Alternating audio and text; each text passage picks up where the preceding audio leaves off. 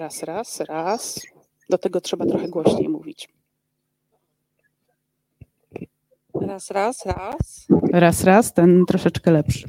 Dobrze, będę go przekazywać. Drodzy Państwo, bardzo serdecznie witam na debacie w projekcie Miasto Seniora. Miasto Seniora to jest projekt Biblioteki Sopockiej, dofinansowany ze środków miasta Sopotu.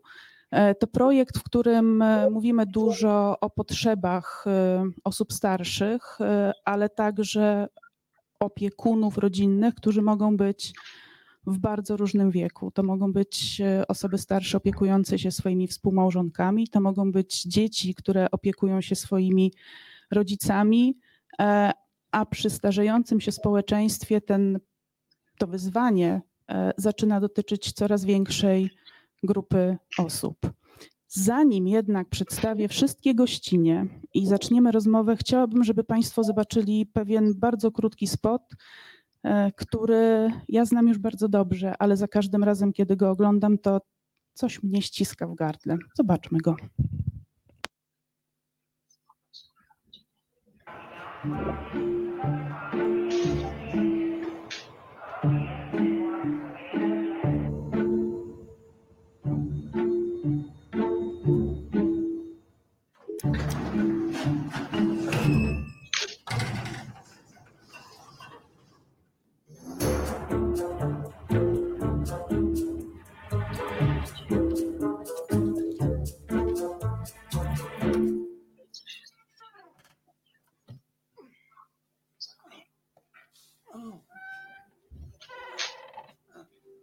Nawet bohaterowie potrzebują czasem pomocy. Tysiące ludzi opiekuje się bliskimi w domach. Zdarza się, że brakuje im sił. Jeśli znasz kogoś takiego, zapytaj, jak możesz pomóc.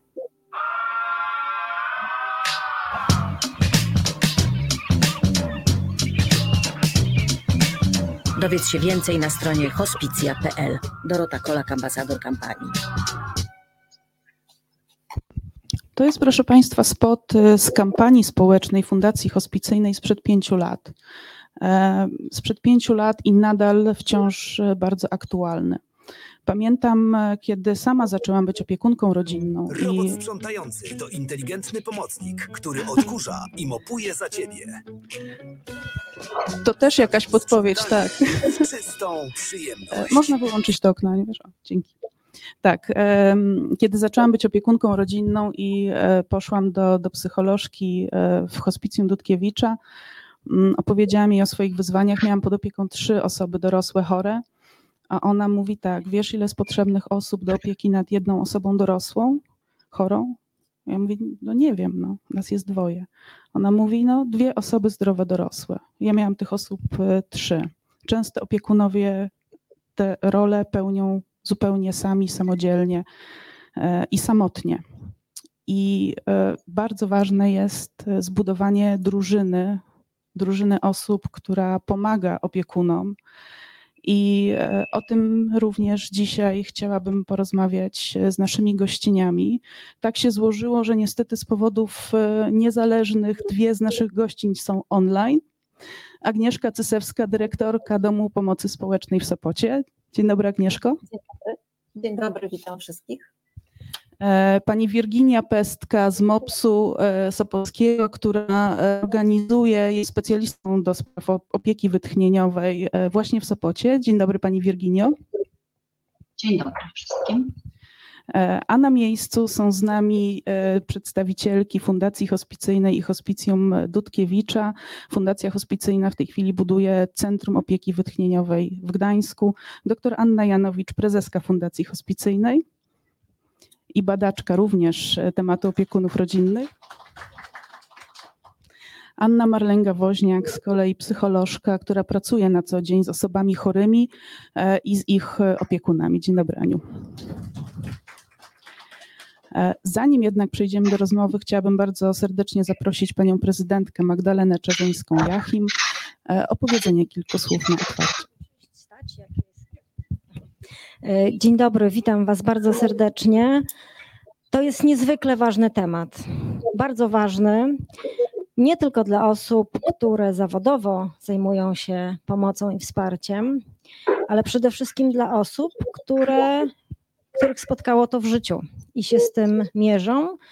E, często popełniając błędy, często pracując ponad siły, bo nie wiedzą, że są inne rozwiązania, bo nie wiedzą, że jest, że jest wsparcie. Ja sama tego doświadczyłam, bo opiekowałam się i jednym rodzicem, i drugim rodzicem. I myślę, że mogę śmiało powiedzieć, że w większości na całym świecie ta praca opiekuńcza dotyka kobiety. I w związku z tym, że e, jak mówiła tutaj e, pani prowadząca Dagny Krówatowska, że e, starzeje się społeczeństwo, w związku z tym opiekujemy się naszymi rodzicami, ale często przychodzi to w momencie, kiedy na przykład mamy jeszcze małe dzieci.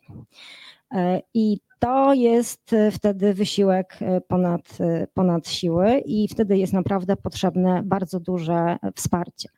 Oczywiście nie mówię też o sytuacjach granicznych, kiedy e, jest to, nie wiem, e, choroba i mierzymy się z taką sytuacją przez miesiąc, przez dwa czy przez e, kilka tygodni, ale często są to sytuacje, z którymi mierzymy się lata, tak? całe lata, no bo tak, tak, taka jest sytuacja. I to, co mnie najbardziej boli w naszym kraju, to muszę powiedzieć w naszym kraju, to takie podejście, że opiekun e, to powinien i musi tak, tą osobą zajmować się u siebie w domu. I mamy takie poczucie, i zobaczcie, nawet w słowniku, jak mówimy, a język kształtuje e, bardzo mocno e, rzeczywistość, mówi się, że się kogoś gdzieś oddało. E, do jakiejś profesjonalnej placówki, tak, czy do hospicjum, e, czy do innego, innego miejsca, że się porzuciło. I mamy taki negatywny trochę wydźwięk społeczny. To się trochę zmienia, ale myślę, że bardzo, bardzo e, powoli.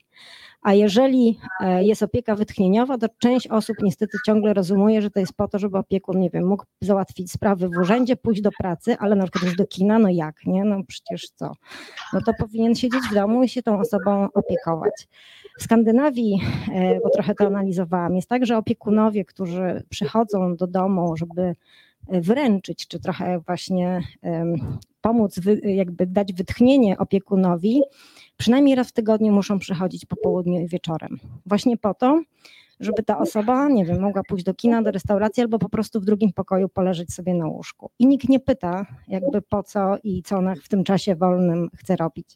I myślę, że docenienie tego, że opiekun ma prawo do czasu wolnego, ma prawo do normalnego życia, E, i że to, że korzysta z różnych form instytucjonalnych pomocy, nie jest jakimś stygmatyzowaniem i y, jakby oznaką jego bezradności, tylko wręcz przeciwnie, bo te instytucjonalne formy pomocy często są dużo bardziej y, skuteczne niż y, tylko i wyłącznie w domu, o czym pewnie część z Państwa się także przekonała. Więc myślę, że temat jest niezwykle ważny. Ja zawsze chylę czoła przed wszystkimi osobami, które tego doświadczają i się z tym mierzą. E, I należy takie osoby wspierać i pokazywać różne rozwiązania, bo każdy ma prawo do godnego życia. Także dziękuję bardzo, że Panie zgodziły się opowiedzieć o tym od strony zawodowej, profesjonalnej, żeby nam wszystkim było trochę łatwiej. Dziękuję. Dziękuję bardzo e, Pani Prezydentko. Tak, to jest e, bardzo, bardzo ważny temat opieki wytchnieniowej, który dzisiaj e, poruszymy. Tego, jak ważny jest odpoczynek dla opiekunów rodzinnych i jak ważny jest po to, żeby można było faktycznie tym chorym bliskim opiekować się w domu. Jeszcze o kilka słów chciałam poprosić Ewę Lewandowską, dyrektorkę Biblioteki Sopockiej. E, dzień dobry. E, ja powiem krótko, bo zależy mi również, żebyśmy przeszli do tej części, na, której, na którą wszyscy czekamy. E, chciałam bardzo podziękować miastu, bo bez niego nie udałoby nam się zorganizować i przeprowadzić nam. Nie udałoby się tak przeprowadzić zorganizować tego projektu. Bardzo dziękuję za przyjście i dziękuję, że Państwo się dzisiaj pojawili, no bo temat nie jest prosty i myślę, że to przekonanie, które jest, że ja muszę, ja powinienem i nikt mi nie powinien pomagać, no bo wtedy będzie jakaś ujma. Fajnie, że pomału jest to zmieniane i że mm, Państwo pewnie już to wiedzą, a inni się zaraz o tym dowiedzą. Dziękuję bardzo. Dzięki Ewa. E, Drodzy Państwo, chciałabym, e, żebyśmy zaczęli od e, zrozumienia, kim dokładnie jest e, opiekun rodzinny. I to jest pytanie do dr Anny Janowicz. E, Aniu, Ty przebadałaś ten temat.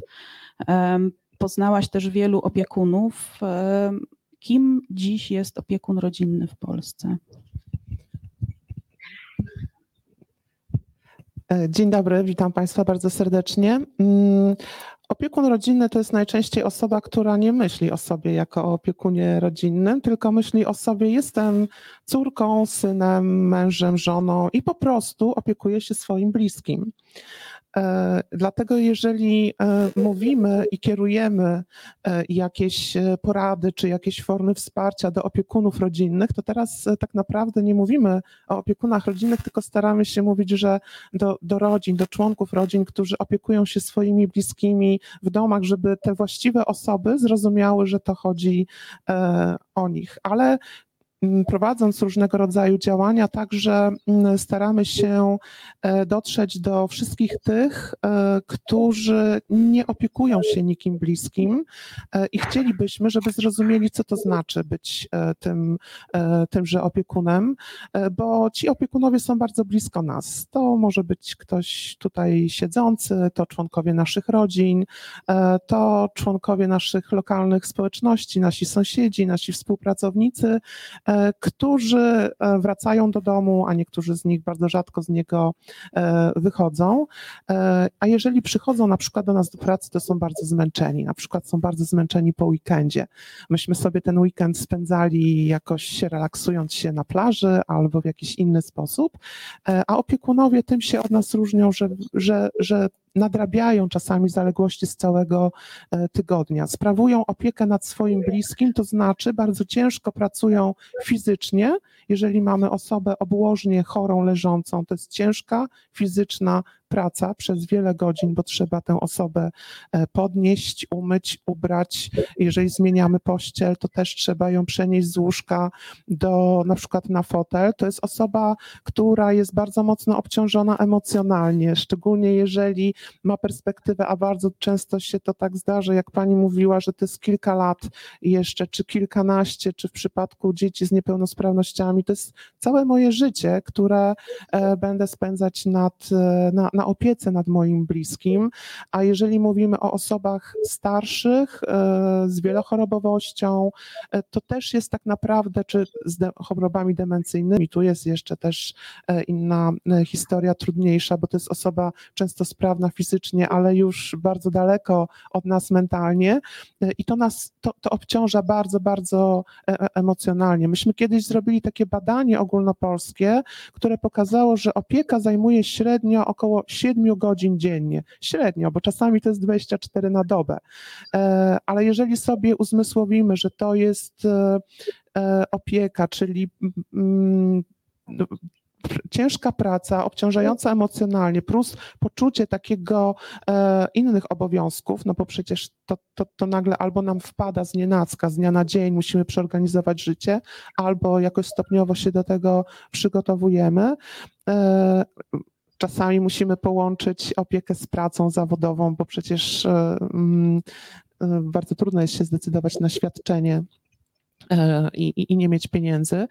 Więc na pewno jest to duża grupa osób, możemy powiedzieć śmiało o kilku milionach i rosnąca grupa osób naszym społeczeństwie, których często nie dostrzegamy, nie rozumiemy e, i nie wspieramy. I tutaj tak powiedziałam trochę, ale to może później jeszcze będzie okazja e, na przekór tego, co mówimy w naszej kampanii Zauważ, zrozum, wesprzyj od kilku lat, żebyśmy się rozejrzeli e, i zobaczyli, że ci opiekunowie są bardzo, bardzo blisko nas, zrozumieli, co to znaczy i w odpowiedni sposób wspali. To oczywiście jest zadanie też państwa, ale e, myślę, że mm, zanim się zmieni, czy, czy zacznie rozwijać jeszcze bardziej system wsparcia opiekunów, to każdy z nas ma wpływ na to, jak to życie opiekunów wygląda.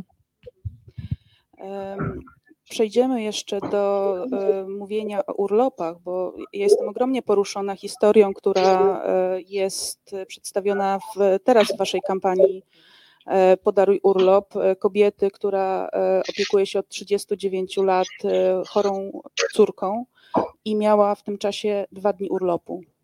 E, Dwa dni. To, to jest. e, Tak, a jak ją zapytałam, e, gdyby miała dwa tygodnie urlopu, to co by zrobiła? Ona powiedziała, nie wiem, bo ja już chyba nie umiem odpoczywać. Dwa tygodnie to bardzo dużo.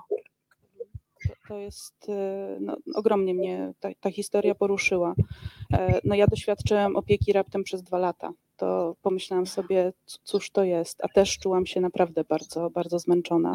E, Aniu, Ania Marlęga, e, psycholożka, opowiedz nam proszę, z czym się mierzą opiekunowie, no właśnie kiedy już podjęli się tej roli, są opiekunami i no właśnie, jakie wyzwania psychologiczne przed nimi stają? Mhm. E, No, cieszę się, że zaczęłyśmy o, o tym mówić od samego początku, o, o przekonaniach. Tak? O, o przekonaniach społecznych i o przekonaniach indywidualnych każdej z osób. Myślę sobie, o, e, że to jest duże wyzwanie, e, żeby się przyjrzeć tym swoim osobistym przekonaniom dotyczącym roli opiekuna. Czyli jak ktoś, m, e, kogoś do, dotyka sytuacja choroby, e, i musi się odnaleźć w nowej roli, to warto, żeby pomóc mu zastanowić się, jakby stworzyć takie przyjazne środowisko, żeby w ogóle zastanowić się nad tym, co, co mnie czeka, jak ja to widzę, jak ja to rozumiem, jakie zadania przede mną stoją. Bo często okazuje się, ja obserwuję to, że opiekunowie mają tendencję do zatracania się w opiece. Tak? Czyli wiadomo, że, e, że ta sytuacja e, no, wymusza zmianę no, w różnych obszarach, tak? E, Zamiana ról, e, zmienia się status społeczny, zmienia się e, jakby model życia rodziny. I e, opiekun podchodzi do tego po prostu tak wielozadaniowo i że ze wszystkim musi sobie sam poradzić. Nie? Czyli to przekonanie, że to jest moja indywidualna sprawa, to jest wyłącznie moja, moje obciążenie, nawet nie obciążenie, to jest moje zadanie. Tak, to jest wyzwanie dla mnie. Ja niki, z nikim o tym nie rozmawiam, nad, nikomu się czasem- nie skarżę. Czy pada czasem Mhm. słowo misja, że to jest moja misja? Tak, tak też może być. Chociaż y, mm, nie, y, nie przypisują sobie, bo misja to znaczy, że ja jestem kimś szczególnym i wyjątkowym. Nie, wręcz przeciwnie właśnie, to jest moje zadanie, to ja w ogóle z tym nie dyskutuję. Nie? E, Nie ma z czym dyskutować, tylko trzeba się z tym mierzyć. Więc e, często obserwuję, że sami opiekunowie nie sięgają nawet po to, co byłoby im dostępne. Czyli ta taka nadmiarowość w opiece e, to jest duże wyzwanie dla opiekunów. Takie zatracenie się w tym, zapomnienie o sobie. E, Więc jak tylko spotykam się z, em, z nowymi moimi jakby podopiecznymi, nazwijmy to osobami, które przychodzą w tej trudnej sytuacji, no to rozmawiamy o tym, e, że, że życie każdego jest tak samo ważne, że potrzeby każdego są tak samo ważne i że e, odpowiedzialną postawą, tak jak pani prezydent powiedziała, opiekuna jest e, niezapomnienie o sobie, bo to zapomnienie o sobie e, niesie ze sobą ryzyka, ryzyko wypalenia się sił, tak? E, ryzyko dojścia do ściany.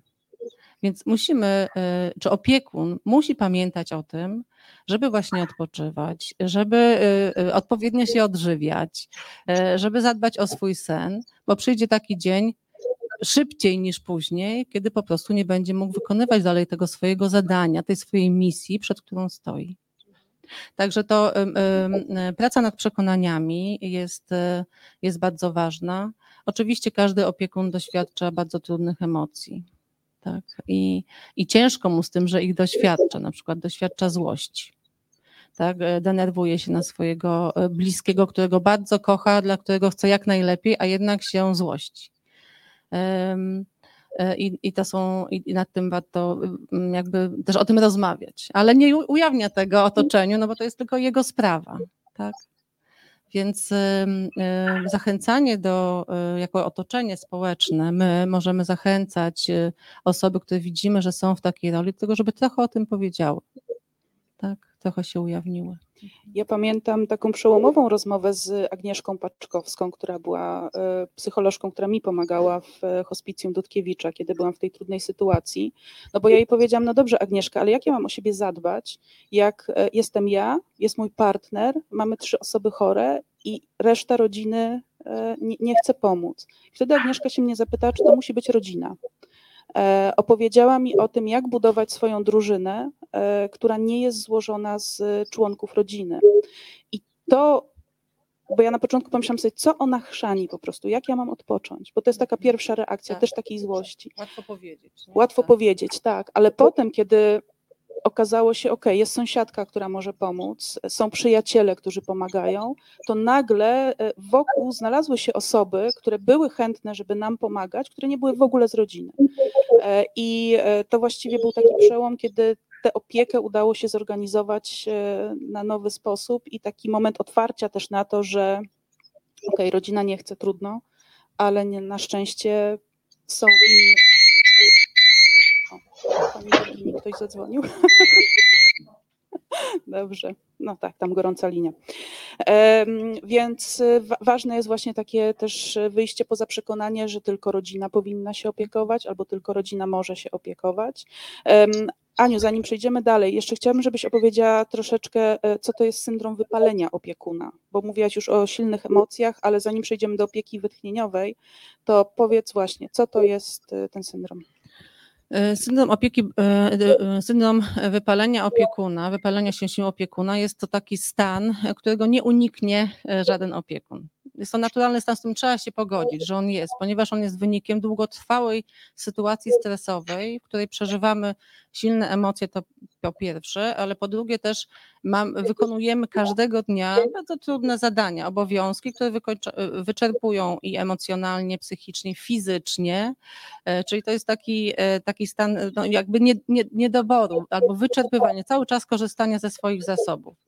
No i jeżeli e, nie ma czasu e, na to, żeby te zasoby e, uzupełniać na bieżąco, no to dochodzi do takiego momentu właśnie wypalenia się sił, tak? do, takiego, do takiego momentu, że nie jestem w stanie stać z łóżka, tak? albo nie jestem w stanie pójść, co ja mam zrobić? Nie mogę wejść do pokoju mojej mamy, tak? Odrzuca mnie. Tak? To są strasznie trudne myśli, trudne emocje, jak sobie z nimi poradzić. Co ja e, e, też taką charakterystyczną oznaką wypalenia się jest e, takie negatywne myślenie o sobie. Opiekun zaczyna źle myśleć o sobie, bo nie podoba mu się, jak się zachowuje wobec swojego bliskiego. Właśnie nie podoba mu się, że się niecierpliwi, że podniósł głos, tak? albo że jest trochę nie, nie, stał się niedelikatny.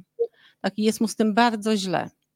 I to jest naprawdę taki bardzo symptomatyczne, e, że e, i oznaczające to, że po prostu opiekun nie ma już sił. Tak? E, I, I niezbędne jest wkroczenie innych osób. Znaczy jest to po prostu nieuniknione.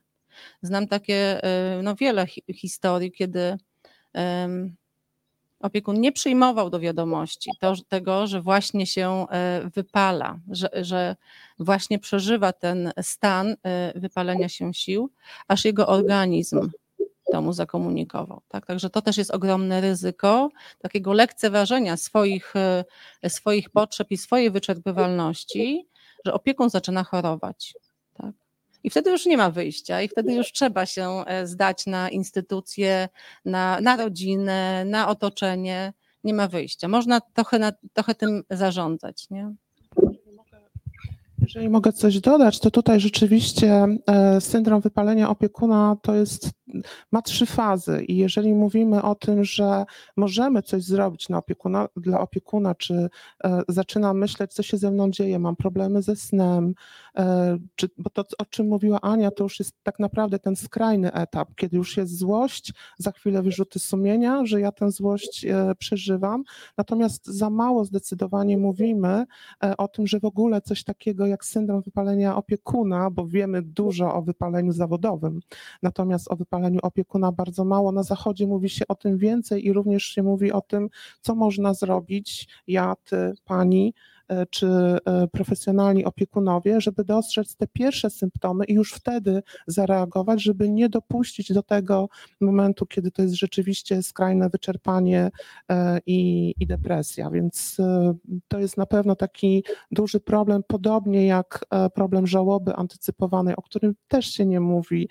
w Polsce w ogóle, więc nie mamy świadomości, czy krytykujemy, źle oceniamy e, opiekuna, który zaczyna myśleć sobie o swoim życiu już bez tego bliskiego, a dotyczy to często opiekunów osób z demencją, tak? Bo, bo, bo, ja już mentalnie nie mam kontaktu z tą osobą, ona fizycznie jest i już myślę o tym, o życiu bez tej e, osoby. Nie rozumiemy e, tych emocji opiekunów, tych myśli, tych problemów.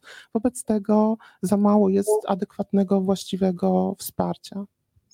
No właśnie, mówi się, że przy okazji osób, przy opiece osób z demencją tę żałobę przeżywa się dwa razy. Raz, tak. kiedy straci się kontakt już e, taki mentalny, e, psychiczny z tym bliskim, a drugi raz, kiedy on odchodzi, odchodzi fizycznie. To, to jest bardzo trudna niestety choroba dla bliskich też. E, no właśnie, ale w tej drużynie, poza tym, że to może być rodzina, nie musi być rodzina, ważne są też instytucje. I to też odkrywałam krok po kroku. E, I Agnieszka, do Ciebie e, kieruję kolejne pytanie. Dom Pomocy Społecznej, w jaki sposób taka instytucja jak DPS może włączyć się e, do tej drużyny opiekuńczej, jak może wesprzeć opiekuna i chore osoby, które potrzebują takiego wsparcia? My już się włączymy już uczestniczymy w życiu opiekunów. W każdym razie od lat zapraszamy opiekunów rodzinnych osób z demencją, bo jest to ogromne wyzwanie opiekować się w domu osobą e, chorą otępiennie, na e, nieodpłatne warsztaty, w których opowiadamy, na czym polega ta choroba. I że te relacje bardzo trudne między e, chorym a opiekunem nie wynikają Agnieszko, z niechęci, cię. ze złośliwości, Agnieszko, tylko Przepraszam tak? na sekundkę, pani Wirginio, ja wyciszę na chwilę e, panią, bo tam w tle niestety te dźwięki e, troszeczkę przeszkadzają i Agnieszkę gorzej słychać. E, I zaraz panią włączę z powrotem. Przepraszam. Okej, okay. wspieramy opiekunów osób cierpiących na choroby otępienne, bo jest to ogromne wyzwanie opiekować się tymi chorymi w domu. A też widzimy, że na dłuższą metę, czyli po kilku lat, latach opieki, E, opiekun jest tak wyczerpany i, e, i tak pozbawiony e, własnego życia i perspektywy własnego życia, że to się może bardzo źle skończyć zarówno dla opiekuna, jak i dla osoby chorej. Nie mówię tu o żadnych tragicznych wydarzeniach spowodowanych przez jedną z tych osób, ale mówię o zwykłym życiu, czyli opiekun po prostu będzie tak chory, że nagle w gwałtownej sytuacji podopieczny trafia do instytucji, jest do tego nieprzygotowany, opiekunem targają wyrzuty sumienia i złość. Jest to wielce niepożądana sytuacja. Dlatego od lat zapraszamy opiekunów i mówimy dwie rzeczy. Po pierwsze, nie możesz być sam. Nie masz rodziny, która z tobą współpracuje, rozejrzyj się dookoła, naprawdę jest wielu profesjonalistów, którzy mogą Ci pomóc. To jest lekarz, pielęgniarka środowiskowa, pracownik socjalny ze środka pomocy społecznej, to jest psycholog z domu pomocy społecznej, który z Tobą porozmawia, czy edukator, który opowie Ci, dlaczego chory zachowuje się tak, a nie inaczej, dlaczego ta opieka jest trudna, że to nie jest jego zła wola, to nie jest jego złośliwość, to jest po prostu choroba muszę przyznać, że bardzo powoli idzie otwieranie się opiekunów rodzinnych czy członków rodziny na tę wiedzę. Z drugiej strony mamy bardzo dobre doświadczenia z prowadzonych warsztatów, kiedy osoby nowe przychodzące na warsztaty w ogóle się nie odzywają, w ogóle o niczym nie mówią, zapisują sobie w notesikach wszystko skrupulatnie i dopiero na drugim, trzecim czy czwartym spotkaniu mówią: OK, to ja już rozumiem, dlaczego tak jest, i zawsze pada to zdanie: To nie jest moja wina. W jakim e, ogromnym poczuciu winy żyją opiekunowie, którzy są zamknięci w domu, bardzo często jeden na jeden z podopiecznym, choroba postępuje, opiekun nie ma wiedzy, bo skąd mają mieć na temat postępów choroby i czuje się winny, że tak jest. My z tą winą najczęściej pracujemy na warsztatach, ponieważ jest to są to emocje, które w ogóle nie powinny się pojawiać. Nikt nie jest winny, że druga osoba jest e, chora. Także absolutnie zapraszamy opiekunów, natomiast chorych zapraszamy na pobyty wytchnieniowe e, w naszym domu. Kierują, e, kierują do nas te osoby pracownicy Miejskiego Ośrodka Pomocy Społecznej. I ma to być wytchnienie dla opiekuna, który zostaje w domu, ma wolny czas. Muszę przyznać, że jest to e, całkiem nowa instytucja, działa w domu pomocy społecznej od kilku lat i najczęściej jest tak, że opiekun jest codziennie u mamy, taty, męża, żony. E, faktycznie, kiedy pytamy, a jakiś spacer, a może pójście na basen, a może po prostu e, przyspacerować się po Sopocie, to w ogóle jest wykluczone. W ogóle nie są w stanie opiekunowie rodzinni e, pomyśleć o sobie. Są tak przemęczeni i tak przestresowani, że w ich rozumieniu dla dobra e, podopiecznego będą kontrolować też cały dom pomocy społecznej. Tak to wygląda na co dzień. Mhm. Agnieszko, no, ja pamiętam, jak mi ciężko było moją babcię tak zostawić na, na cały dzień. Akurat mhm. z DPS-u w Gdyni korzystaliśmy ale potem zobaczyłam, że babcia e, tak, nie siedzi sama w domu albo nie siedzi sama ze mną w domu, e, tylko jest między ludźmi. W związku z tym wraca cała zadowolona, zaczyna na przykład lepiej się komunikować, lepiej mówić, no bo miała tam różne rozrywki, były spacery, były gry. E, to też jest, prawda, ważna, e, ważny argument za tym, żeby zaufać trochę instytucjom i trochę e, oddać tej opieki instytucji, bo chory może, nie zawsze, ale może lepiej funkcjonować wśród ludzi niż jeżeli jest e, tylko w domu. Mówimy oczywiście o osobach, które nie są jeszcze leżące, e, mhm. tylko e, w jakimś stopniu samodzielne. No babcia już miała demencję, więc to, to nie było tak, że była zupełnie sprawna umysłowo, ale to, że była wśród ludzi i w ogóle miała kontakt żywy z ludźmi, z dużą grupą ludzi, no wpływało na nią bardzo dobrze. Bardzo dobrze też na chorych wpływa obecność wielu specjalistów w różnych dziedzinach, czyli terapeuty, fizjoterapeuty, pracownika socjalnego, pielęgniarki, ale też logopedy, ale też księdza, który przychodzi do e, naszego domu i nie trzeba się fatygować do kościoła wysoko w górę. Jak wiadomo, Sopot to jest miasto wielu wysokości. Także wszystko jest na miejscu. My też potrafimy dość szybko zdiagnozować osobę, właśnie dlatego, że mamy fachowców w wielu dziedzinach. A więc nasza propozycja dla seniora jest bardzo zindywidualizowana i ukierunkowana na te obszary, które my dostrzegamy, że powinny być wsparte. Osoba w domu, na przykład żona, która opiekuje się mężem, pamięta, że on całe życie był dyrektorem, prezesem, miał władzę, miał pieniądze, on decydował.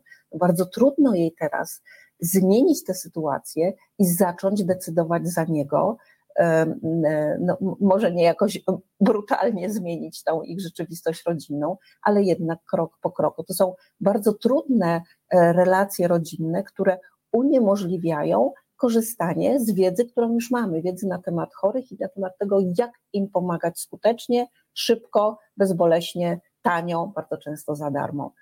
E, dlatego kontakt z instytucją, czy samego opiekuna, czy właśnie w formie dziennej dla seniora, czy w formie wytchnieniowej, jest też niezwykle edukacyjne, ponieważ my zawsze taki pobyt wytchnieniowy czy pobyt w dziennym domu omawiamy, opisujemy, proponujemy jakieś rozwiązania dla członków rodziny. Bardzo Ci, Agnieszko, dziękuję. E, pani Wirginio, teraz e, pytanie e, kieruję do Pani. O, już Pani jest z nami. No właśnie, jak wygląda, Agnieszka mówiła o takiej współpracy między MOPS-em a ADPS-em e, w kwestii e, opieki wytchnieniowej.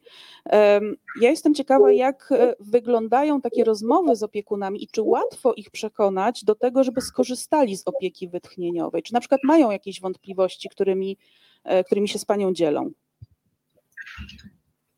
Tak, Opiekunowie rodzinni mają bardzo dużo wątpliwości, tak jak pani dyrektor powiedziała, często y, jest to dla nich niesamowicie trudne, żeby o tą pomoc poprosić, żeby powiedzieć, że jest im potrzebna ta pomoc, ale często też nie wiedzą o takich możliwościach, które Miejski Ośrodek Pomocy Społecznej w Sopocie oferuje im.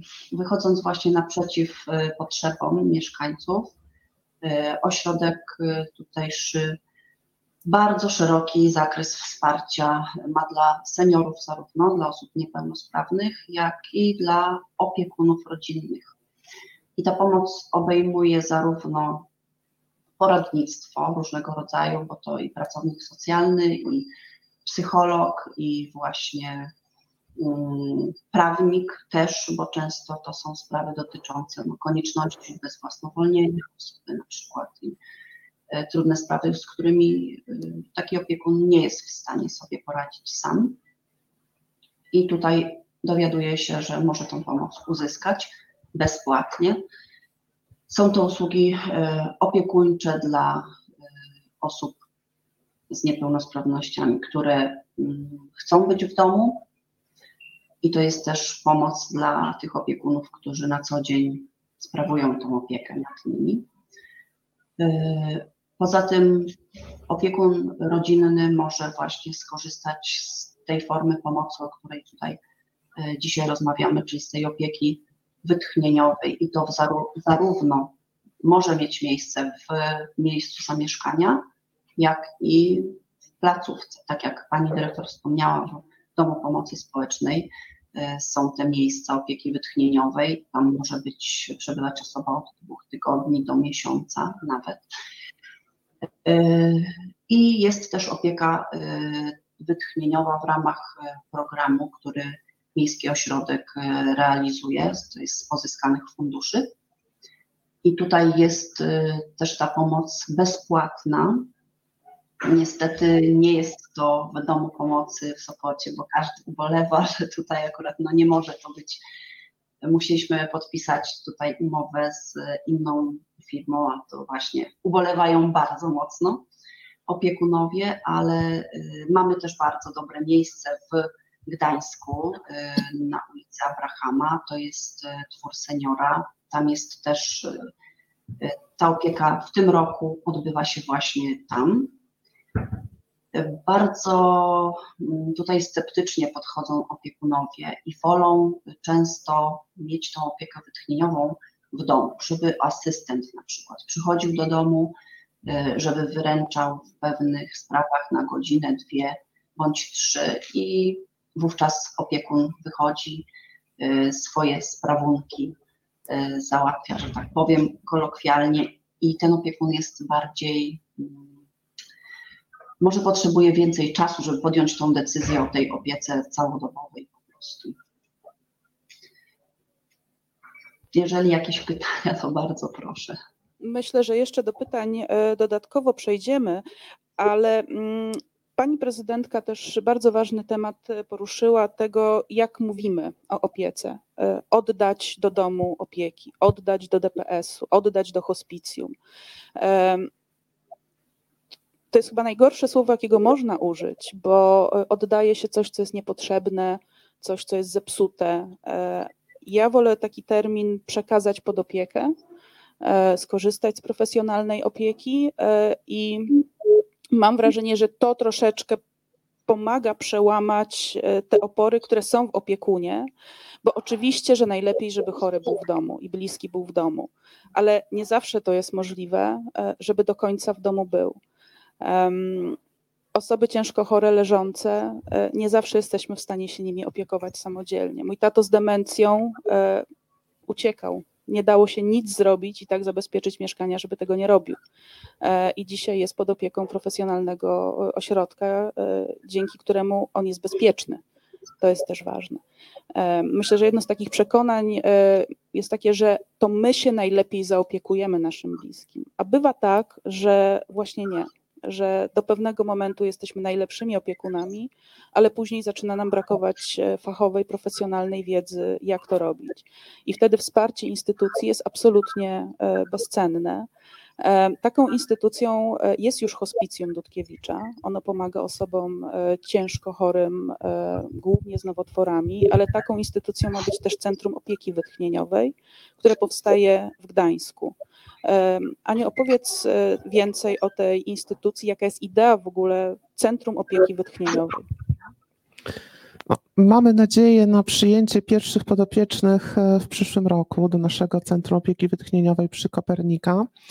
E, to będzie e, takie miejsce, w którym podopieczni będą mogli spędzić czas i dorośli, i dzieci razem. Do tego, o czym mówiła też Agnieszka, że właśnie miejsce dla, dla osób, żeby, żeby wyjść z tej klatki czy więzienia, czasami tak mówią e, podopieczni i sami opiekunowie o swoim mieszkaniu pod profesjonalną opieką zapewnioną mi e, rehabilitacją czy, czy terapią, a w tym czasie opiekunowie rodzinni będą mieli czas na wytchnienie. To jest to jest to, co ma powstać, ale myślę, że bardzo ważne jest cała zmiana mentalna, która musi nastąpić e, wokół tego, e, czyli po pierwsze to, że opiekun sobie pozwoli na to, że skorzysta z opieki instytucjonalnej. Ja w ten sposób mówię o tym, e, nie, nie używając słowa oddawanie bo pamiętam rozmowę z matką, która przez 28 lat zajmowała się, opiekowała się swoją córką i jej reakcję po pierwsze na to, kiedy ja zapytałam nie o córkę, tylko o nią, i ona była zdziwiona i zaczęła płakać, bo dawno nikt nie zapytał jej o nią jako opiekunkę.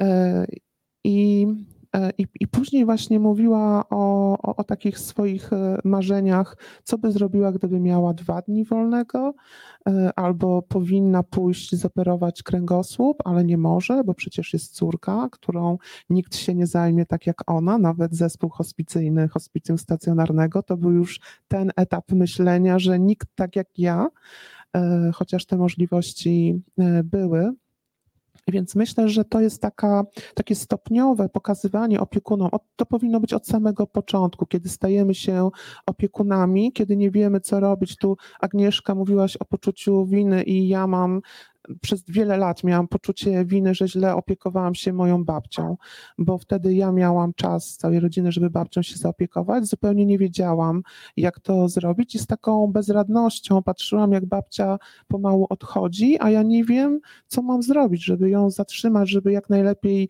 się zaopiekować, żeby zwalczyć to jej zobojętnienie e, na życie. I dlatego Centrum Opieki Wytchnieniowej ma być też takim miejscem, tak jak do Agnieszki, do DPS-u czy do MOPR-u, dziś przychodzą opiekunowie, chociaż nie wiedzą, że tam mogą pójść, e, żeby również dowiedzieli się, co to znaczy, e, z czym będzie się wiązała ta opieka, e, z jakimi emocjami i jak sobie z tymi emocjami poradzić, jak się zorientować w różnych meandrach systemu pomocy społecznej, który oferuje sporo, ale jest trudny do, do, do zrozumienia, do ogarnięcia, do rozeznania. Doradztwo, informacja, tego opiekunowie nie mają, nie, nie wiem po prostu, tak? Często to jest tak, że e, bliski ma udar i z dnia na dzień staje się podopiecznym i ja zupełnie nie wiem, jak przygotować mieszkanie, skąd ja mam wziąć materac. Ludzie chcą kupować od razu, bo nie wiedzą, że można wypożyczyć, gdzie wypożyczyć, jak dbać o siebie, żeby po dwóch tygodniach nie zniszczyć sobie kręgosłupa. Więc to Centrum Opieki Wytchnieniowej ma też, e, będzie miało za zadanie pomóc opiekunom zorganizować opiekę w domu, E, poradzić sobie z różnymi trudnymi e, sytuacjami, e, też po to, żeby śmiało pójść do kina, wypocząć. Też badania pokazują, że wielu opiekunów rodzinnych, którzy mają możliwość skorzystania z opieki wytchnieniowej, odsypia albo idzie do lekarza. No, świetny odpoczynek, wizyta u lekarza. Znaczy, może być miło, ale nie o to w tym chodzi, tak? Czyli też odblokowanie takiego myślenia, że ja mogę sobie wyjechać po prostu na urlop, odpocząć.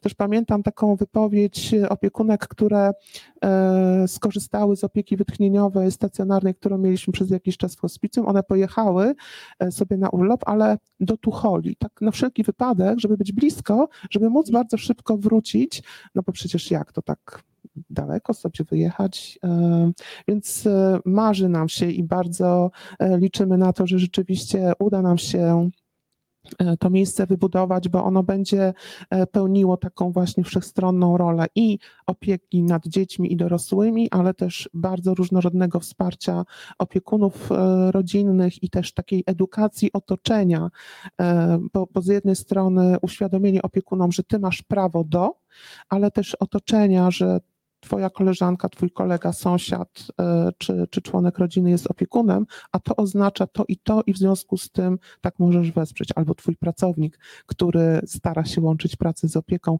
co możesz zrobić w swojej firmie, w swoim miejscu pracy, żeby umożliwić to łączenie, żeby nie stracić dobrego pracownika temat dla pracodawców jest coraz bardziej, e, myślę, palący, bo e, opiekunów przybywa.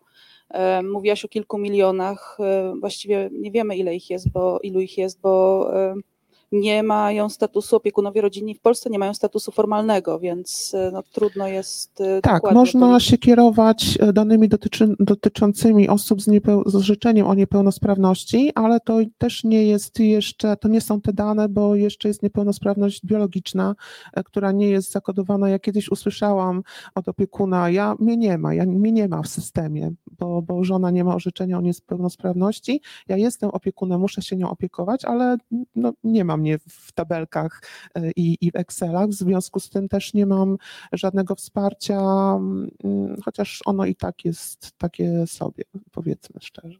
No właśnie, ta walka o te różne formy wsparcia jest, jest bardzo ważna. Um, I edukacja e, bardzo różnych środowisk także i edukacja samych opiekunów. E, pamiętam, jak zaczęłam pełnić tę rolę, to było to się stało bardzo szybko e, i ja po prostu poszłam na studia psychogerontologiczne, żeby się nauczyć, jak opiekować się osobami starszymi, bo, bo ja nic nie wiedziałam. E, ale e, są książki, są poradniki.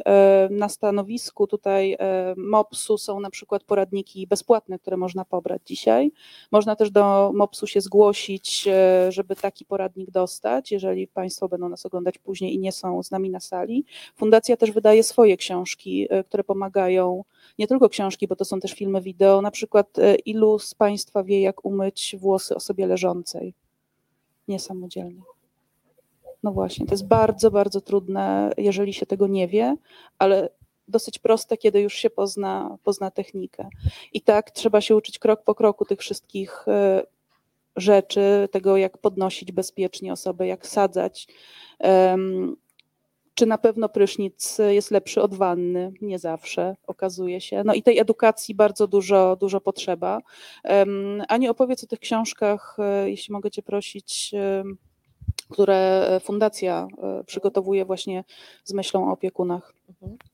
E, tak, bo też tak jak mówiłam o swoim doświadczeniu, ale tak jak mówisz, to każdy opiekun się styka z tym, że ale co teraz? Zacznę może od takiej emocjonalnej strony, e, która wiąże się właśnie z naszą kampanią e, Zauważ, zrozum, wesprzyj, podaruj urlop. E, kampania jest prowadzona od 18 lipca, kiedy był Światowy Dzień Słuchania. Chcieliśmy zachęcić i cały czas chcemy zachęcić do tego, żeby słuchać opiekunów rodzinnych i żeby odpowiedzieć na, na, na ich potrzeby i będziecie mogli Państwo, czy na Facebooku, ale już też niedługo będzie wystawa pokazujące opiekunów rodzinnych w oknie e, i mm, jako, jako takie symboliczne oczekiwanie na możliwość wytchnienia, ale mówię też o tym, bo chciałabym e, zacząć od książki e, Ani Kulki Doleckiej Wyjrzeć przez okno. Ania teraz już w czasie przeszłym powiem, że była mamą podopiecznego hospicjum Dudkiewicza, ciężko chorego dziecka. Natomiast ona 嗯 pisze tutaj o tym jako opiekunka i jak walczyła ze smokiem, e, którym była właśnie ta choroba syna. I to jest taka książka, którą bardzo polecamy zarówno osobom z otoczenia opiekunów, jak i samych opiekunów, bo tu jest o tym, jak stworzyć tę drużynę wsparcia, e, którą w przypadku Ani tworzyła i rodzina, ale też nauczyciele, wolontariusze, pracownicy hospicjum. E, ona tutaj pisze o tym, jak, jak zdobyć, jak pozyskać, jak mówić, jak złamać w sobie ten taki opór, że ja muszę sama, muszę być dzielna, samodzielna. Nie, nie musisz, czy dzielny, samodzielny, bo tutaj e, w większości są to kobiety, ale mężczyźni, wydaje mi się, po takich rozmowach, które miałam, czasami są bardziej bezradni, bo zupełnie nie są przygotowani do, do pełnienia takiej e, roli opiekuna. Wyjrzeć przez okno, e, czyli jak poradzić sobie z różnymi emocjami bardzo trudnymi i zadbać o siebie. Myślę, że jeżeli pisze o tym, czy mówi opiekun innemu opiekunowi, to jest to to niezwykle cenne i, i bardzo przekonujące. Też mając w pamięci te, te wszystkie pytania, co, jak zrobić, kiedy, gdzie, skąd pozyskać, już w zasadzie wiele lat temu wydaliśmy książkę Przewlekle chory w domu razem z płytą, która pokazuje właśnie, jak wykonywać takie czynności niełatwe, o których wspomniała Dagny E, ale także jak radzić sobie od strony emocjonalnej, jak e, szukać wsparcia w systemie pomocy społecznej, e, jak szukać wsparcia w tej sferze duchowej, nie, niekoniecznie religijnej, ale duchowej, bo to jest też bardzo ważne takie źródło wsparcia dla, dla opiekunów i dużą część tej wiedzy, takiej bardzo praktycznej, też przekazujemy na stronie opiekunrodzinny.pl. Tam jest właśnie taka odpowiedź, co, jak zrobić, jeżeli chodzi o różne e, aspekty sprawowania e, opieki. E, jak rozmawiać, zdrowa rozmowa. Tutaj jest o takiej rozmowie i profesjonalistów z opiekunami i podopiecznymi, ale także opiekunów nieprofesjonalnych. Czasami mówiliśmy już tutaj o właściwym doborze słów. One są szczególnie ważne Mm, w takich kryzysowych e, sytuacjach, kiedy e, to pewnie Ania by powiedziała więcej, e, no, nieodpo w nieodpowiednim momencie, nieodpowiednie słowo potrafi zranić na, na wiele lat i, i trudno sobie z tym poradzić. Natomiast to, co prowadzimy, jeżeli chodzi o takie zmiany systemowe, tutaj taka auto prezentacja opisałam w książce Opiekunowie rodzinni, wyzwania i możliwości wsparcia, to jeszcze z takiego czasu, kiedy szukałam i, i badałam właśnie na początku, kilka lat temu już w zasadzie, co się dzieje w Polsce, jeżeli chodzi o opiekunów rodzinnych, jaka jest skala problemu, ale co się dzieje e, w innych krajach i skąd możemy czerpać inspirację. Dla mnie tu Skandynawia oczywiście też ma rozwiązania, dla mnie Wielka Brytania była taką inspiracją, gdzie, e, gdzie właśnie pierwszy raz przeczytałam o respite care,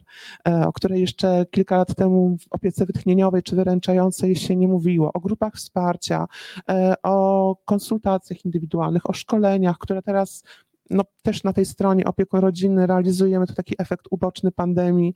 E, Ania prowadzi grupy wsparcia dla opiekunów też online, e, co się świetnie sprawdza. Jeszcze wiele do zrobienia przed nami, ale dużo już się zmienia w Polsce. Samo to, że mówimy dzisiaj o opiece wytchnieniowej, która jest systemowo też finansowana, wspierana, e, no to, to już świadczy o, o czymś, o czymś że, że ci opiekunowie wciąż niewystarczająco, ale są jakoś dostrzegani i doceniani. To jeszcze ostatnie słowo powiem kierując się Wielką Brytanią, gdzie Brytyjczycy policzyli, tak przynajmniej mniej więcej, więcej niż mniej, ilu jest opiekunów rodzinnych, oszacowali wartość pracy opiekunów e, i okazało się, że wartość pracy rodzin opiekujących się bliskimi w domu jest e, równa e, temu, co NHS wydaje rocznie na ochronę zdrowia w Wielkiej Brytanii. E, to myślę, że gdybyśmy zaczęli sobie przeliczać, tak jak Brytyjczycy, gdzie oni w różnych elementach, tak samo ilu opiekunów opuściło miejsca pracy, bo nie dawało rady, to było 600 osób dziennie. My tego nie wiemy, nie liczymy w Polsce, więc żyjemy sobie w takiej błogiej nieświadomości, e, ale myślę, że warto e, przyjrzeć się temu, e, jakie mamy dane z innych krajów. U nas jest najprawdopodobniej bardzo podobnie, czy nawet tak samo i zacząć, i zacząć działać. 600 osób dziennie. W bibliotece mamy 30 osób zatrudnionych. To, to jest po prostu, to jest wielka korporacja jedna. Tak. Mhm.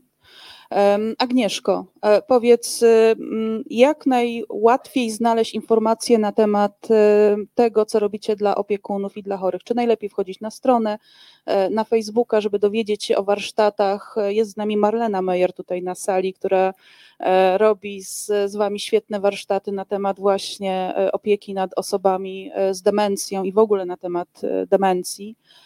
I no właśnie, co planujecie też w najbliższym czasie? My rozgłaszamy jak najszerzej e, w Sopocie informację, że zaczynamy kolejny etap e, warsztatów. Od września znowu zaczynamy, a ogłoszenia będą w przypisie na Sopot na stronie Urzędu Miasta Sopotu, na stronie oczywiście Domu Pomocy Społecznej i na naszym Facebooku, ale też zawsze kierujemy prośby do księży proboszczów, aby na tydzień czy dwa przed rozpoczęciem warsztatów czytali ogłoszenia i faktycznie one są odczytywane, bo kiedy pytamy uczestników skąd mają informacje, no to najczęściej jest to informacja właśnie z ogłoszeń e, parafialnych. Tak staramy się dotrzeć do e, opiekunów. E, I Pani Wirginio, proszę opowiedzieć jeszcze o tych e, materiałach, które można dostać w MOPS-ie, bo to są bardzo przydatne poradniki. To jest też pudełko życia, bardzo przydatna rzecz dla opiekuna, zwłaszcza kiedy musi działać w stresie i bardzo szybko zadziałać, kiedy dzieje się coś, coś nagłego. Tak, zdecydowanie Sopockie Pudełko Życia jest bardzo pomocne dla sprawnego przeprowadzenia akcji ratunkowej w sytuacji zagrożenia życia lub zdrowia. To pudełko zawiera takie istotne informacje, jest tam formularz, który należy wypełnić, zawiera takie informacje o osobie. To dotyczy osób powyżej 65 roku życia najczęściej właśnie umieszcza się to pudełko w lodówce, czyli w takim miejscu, gdzie najłatwiej znaleźć. E, naklejkę nakleja się na zewnętrznej stronie lodówki, żeby e, ratun e, ekipa ratunkowa widziała, że taka osoba posiada to i żeby to usprawniło właśnie ich pracę, żeby pomóc osobie. W tych właśnie ulotkach są wszystkie zawarte wszystkie mm, formy pomocy, które oferuje Miejski Ośrodek Pomocy Społecznej. Bardzo zachęcamy do zapoznania się z tymi materiałami.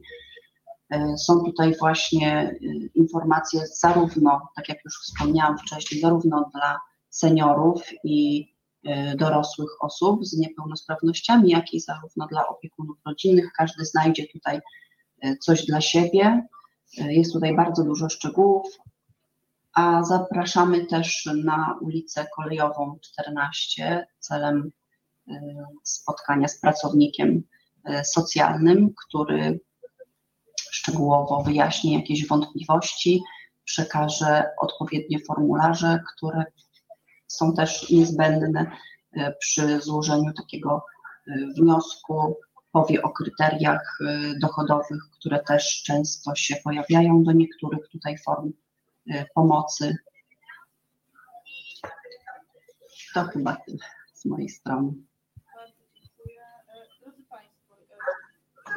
Drodzy Państwo, y, myślę, że Państwo mają też swoje pytania, więc chciałabym oddać głos teraz do Państwa na sali. Czy ktoś chciałby nasze gościnie o coś dopytać. Chciałam zwrócić uwagę na jedną rzecz, no, która mnie trochę też dotknęła, że wielu z nas nie uświadamia sobie, że jest opiekunem i że w ogóle nie dopuszcza do, sobie, do siebie myśli, że się kimś opiekuje.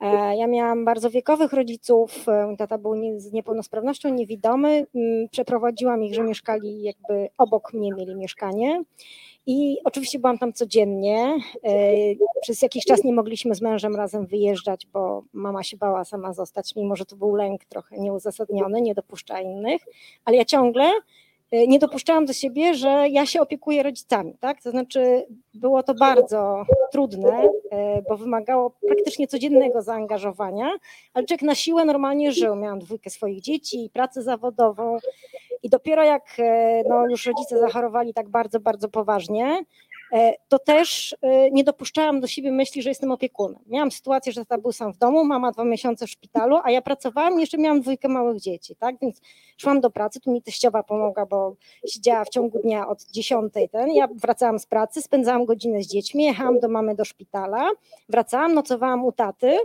i po dwóch miesiącach wylądowałam na sorze z fizyczną jakąś zupełnie nie wiadomo co, tak? Ale zobaczcie, jakby w życiu o sobie bym nie powiedziała, że opiekuje się y, kimś ten. No po prostu tak, tak było. I myślę, że tu musimy edukować. Musimy też edukować dzieci w szkołach, mówić o tym i cały czas podkreślać, że wsparcie instytucjonalne jest ważne.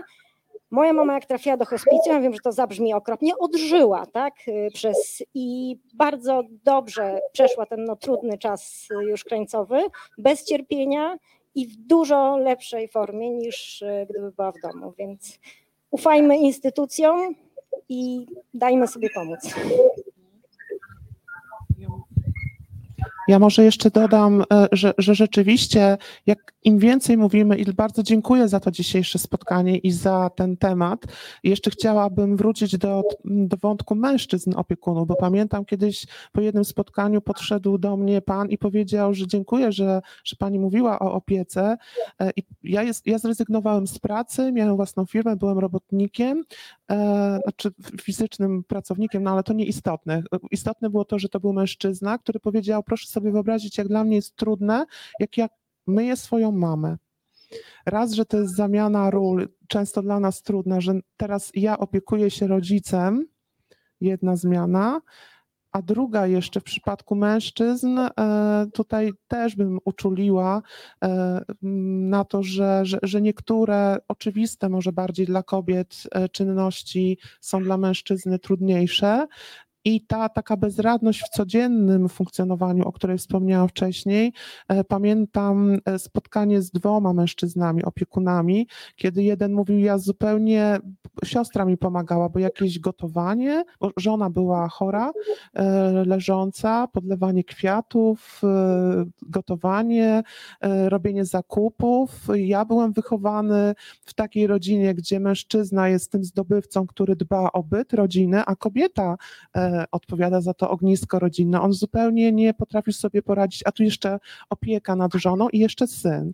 I drugi, e, też mąż opiekujący się e, swoją żoną, który pytał żonę, co ma robić. E, pani miała takie napady, wymioty bardzo silne i on ją, on ją pytał, co ma robić, kiedy, kiedy jest ten atak. I jeszcze jeden przykład, syn, który opiekował się swoją mamą. Mama przez całe życie była bardzo aktywna, nauczycielka, działaczka, która e, była poza domem i nagle e, z powodu nowotworu kości została zamknięta w domu. Syn sam miał problemy ze sobą i jak go zapytałam, czego potrzebuje, to on wyjazdu, żeby się od tego odciąć.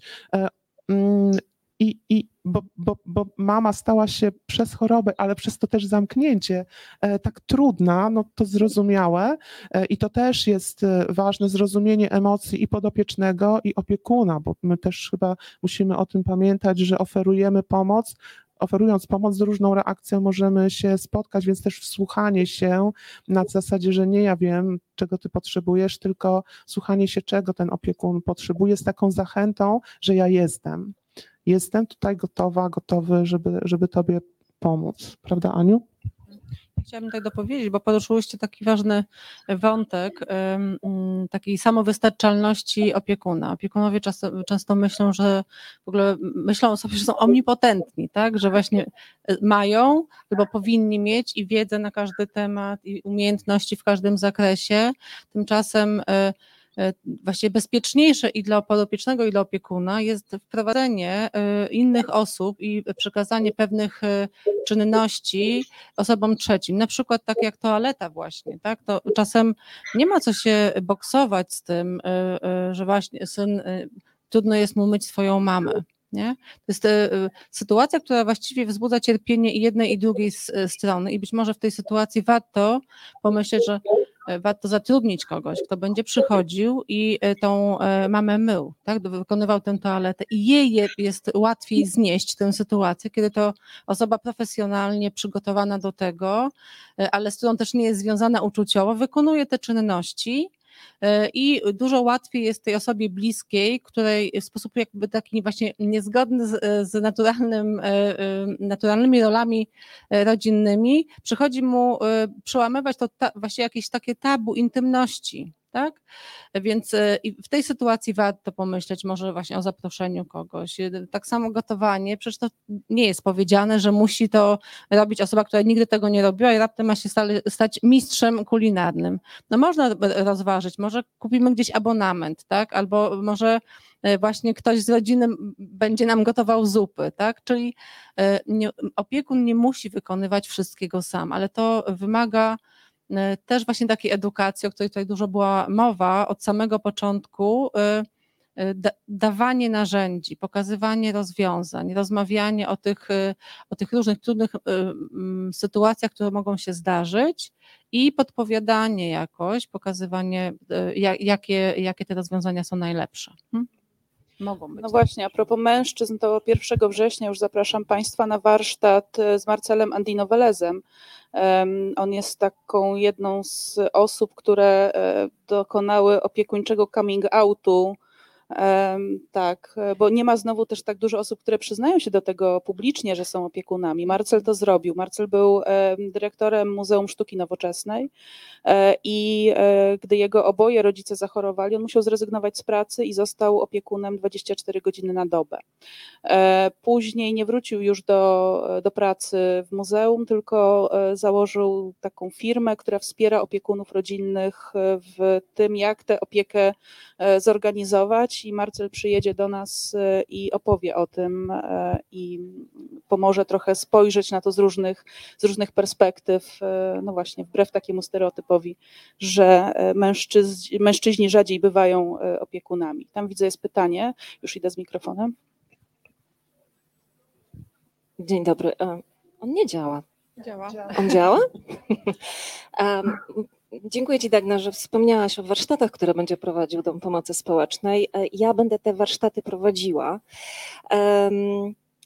Ja się nazywam Marlena Meyer i e, e, prowadzę fundację, która jest skoncentrowana na edukacji dotyczącej chorób przebiegających z demencją, innymi słowy otępieniem. W naszych, podczas naszych spotkań to nie jest grupa wsparcia dla opiekunów, to jest grupa stricte edukacyjna. Tłumaczymy Państwu, na czym polegają choroby przebiegające z demencją, o co w nich w ogóle chodzi, e, o co chodzi w demencji jako takiej, bo w Polsce jest bardzo wiele nieścisłości związanych e, z tym zespołem. Sama demencja to jest zespół bardzo wielu objawów w przebiegu bardzo wielu chorób mózgu. Ona zawsze dotyczy układu e, nerwowego. I my zupełnie niepotrzebnie popełniamy mnóstwo błędów, y, których później ponosimy konsekwencje. Jest y, bardzo wiele rzeczy, które można zrobić bardzo wcześnie, zmienić bardzo wcześnie, y, żeby wiele sytuacji trudnych, których doświadczamy w opiece, w ogóle się nie pojawiło. Ja rodzinnie jestem przedstawicielem również e, grupy, gdzie e, choroby przebiegające z demencją są obecne. E, teść mojego brata choruje. Przekazaliśmy opiekę do, do domu opieki w marcu, to był Falstart. Potem przekazaliśmy opiekę do drugiego domu opieki i to był drugi Falstart. I potem przekazaliśmy ją po raz trzeci, szukając dobrego miejsca. I choć początki były bardzo trudne, no to jesteśmy teraz w zupełnie innym miejscu i to jest miejsce ok. E, więc te błędy e, popełniamy. Instytucje niektóre nie są przygotowane na potrzeby naszych bliskich i, e, i trzeba, to, trzeba to uczciwie przyznać. Ale mamy też w rodzinie osobę, która choruje na chorobę Alzheimera w bardzo wczesnej fazie. Zresztą teść mojego brata e, także ma e, takie, takie rozpoznanie. E, I jest to mąż mojej mamy, więc bardzo bliska mi osoba, ale dzięki edukacji, dzięki wiedzy, którą posiedliśmy, udało się zidentyfikować objawy tak wcześnie, że mąż mojej mamy jest całkowicie samodzielnym człowiekiem. Całkowicie samodzielnym człowiekiem. I to jest możliwe, proszę Państwa, pod warunkiem, że my wiemy, czego szukać, że my wiemy, jakie sytuacje powinny wzbudzić w nas niepokój, e, i to jest do zrobienia ale my musimy mówić o tym szerzej, musimy mówić o tym więcej i um, musimy się wyedukować, korzystając między innymi z doświadczeń hospicjum, bo choroby przebiegające z demencją to są choroby przewlekłe i nasi bliscy będą się zmieniać. W perspektywie lat będą potrzebowali coraz więcej wsparcia e, i proszę. I my również będziemy potrzebowali wsparcia, dlatego im więcej my wiemy, tym e, łatwiej będzie nam opiekować się w tej pierwszej fazie, a potem łatwiej będzie nam podjąć decyzję o tym, że trzeba przekazać opiekę e, tym, którzy nie są związani emocjonalnie. Także zapraszam Państwa do obserwowania strony Domu Pomocy Społecznej w Sopocie, gdzie będą informacje e, o naszych spotkaniach i chyba tutaj w Sopotece też będą. Dziękuję.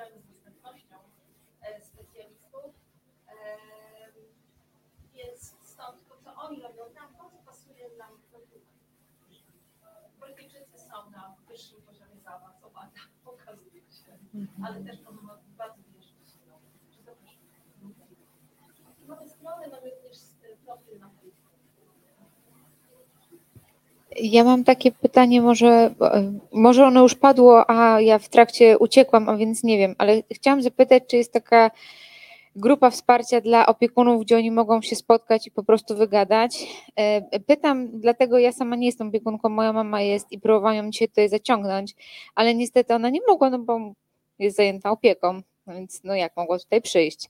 Ale wydaje mi się, że samo to, że ona by poszła i pogadała nie tylko ze swoimi córkami, bo może to zrobić, no ale to jest inna rozmowa niż do, do kogoś obcego. Czy taka grupa jest w Sopocie albo w Gdańsku?